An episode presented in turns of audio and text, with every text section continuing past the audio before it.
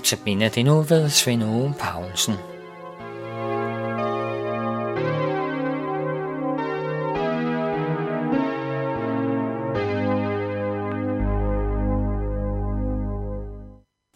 Den næste særlige prisning,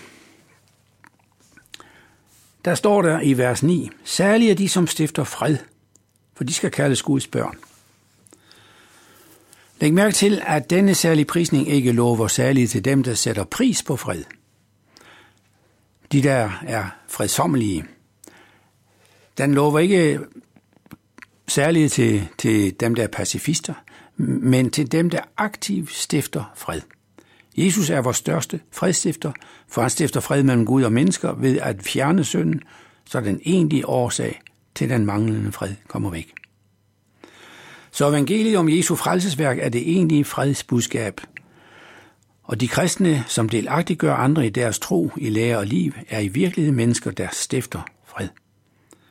For den enkelte kristne gælder det derudover, at vi direkte skal søge at mindske spændinger og søge løsninger, når strid er ved at opstå. De vanskelige situationer er så dem, hvor man personligt er involveret. Men her er det en disciples pligt at passe på, at konflikten ikke går op i en spids. Og husk i den forbindelse, at et mildt svar afvender vrede, som der står i ordsprogenes bog, kapitel 15, vers 1. Den næste særlige prisning. Særlig er de, som forfølges på grund af retfærdighed, for hæmmeriget er deres. Det vil sige, forfølges, fordi de lever efter et livsmønster i overensstemmelse med Guds vilje. Forfølgelse vil i vores kultur ofte have karakter af hån, mobning og en vis kulde til den anden part, for i vores samfund kan man fint acceptere en religiøs indstilling, og mange tror, at der er mere mellem himmel og jord, end det vi kan opfatte. Ja, man kan endnu acceptere, at nogen tror på Gud, eller en Gud. Men at gå til yderligheder og tro på Jesus og efterleve hans lære, der er grænsen. Titlen på en bog, som for 50 år siden blev skrevet af en tysk præst, beskriver meget godt indstillingen. Titlen lyder Gud ja, men Jesus. For med troen på Jesus kommer vi for tæt på. Kommer for tæt på menneskers frihed, og ligefrem at ville leve efter Jesu lære, det kommer alt for tæt på. Og det er umoderne. Nej, vi skal følge med tiden, og følge den til enhver tid herskende moral. At leve efter Jesu lære er jo indirekte en kritik af værstlige menneskers liv. Når for eksempel en kristen undrer at være med til firmaets julefrokost, fordi han eller hun ved, at den almindeligvis udvikler sig til det rene orgie. Når ikke man deltager, så er det jo en anklage mod alle dem, der deltager. Ligeledes, hvis du som bibeltro kristen står fast på, at du ikke kommer hos en kvindelig præst, fordi hun efter skriften ikke må beklage det embede, ja, så anklager du alle dem, der kommer hos hende. Og du er på vej ind i forfølgelse på et eller andet niveau. Og netop på grund af risikoen for forfølgelse af disciplene, bliver den særlige prisning, bliver denne her særlige prisning ganske rensagende. For hvis du som en disciple aldrig har oplevet at blive hånet eller mødt med kulde, ja med afvisning, skyldes det så, at ingen kan få øje på, at du er kristen. Måske fordi du passer på at leve stort set som de andre, eller fordi du helt holder dig væk fra ikke-kristne, for ikke at træde dem over og dermed risikerer forfølgelsen.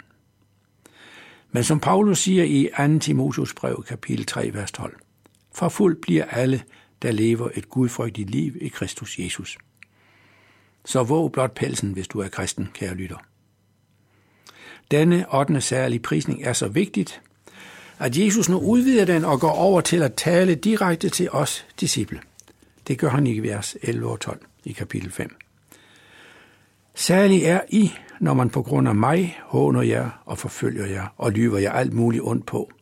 Fryd jer og glæd jer, for jeres løn er stor i himlen, således har man også forfulgt profeterne før jer. Læg mærke til, at Jesus nu erstatter ordet med retfærdighed med, mod ham personligt. Særligt er I, når man på grund af mig håner jer og forfølger jer. Så når værtslige mennesker håner os, så er det fordi, vi reelt afspejler Jesus og hans vilje. Med vores ord og liv. Ja, det er ikke blot Mette, Hans eller Per, der hånes. Det er Jesus selv.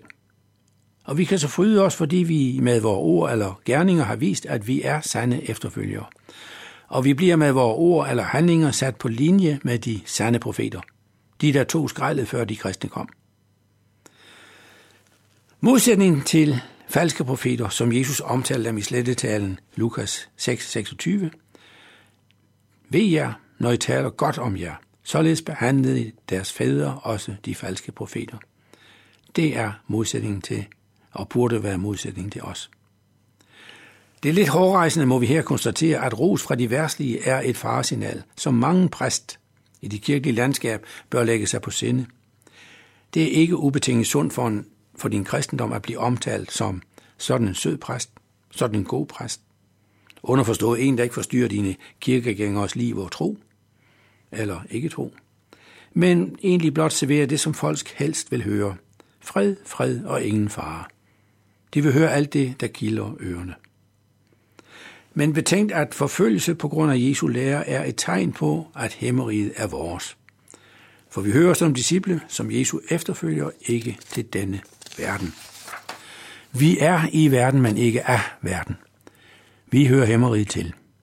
Netop derfor er vi til at få øje på, vi skal være som lys, der skærer ind i mørket, ind i søllefaldets mørke.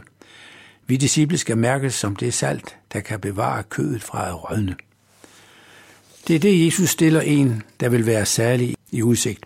Så fryd og glæd dig, kære lytter, hvis nogen håner dig, fordi du er kristen.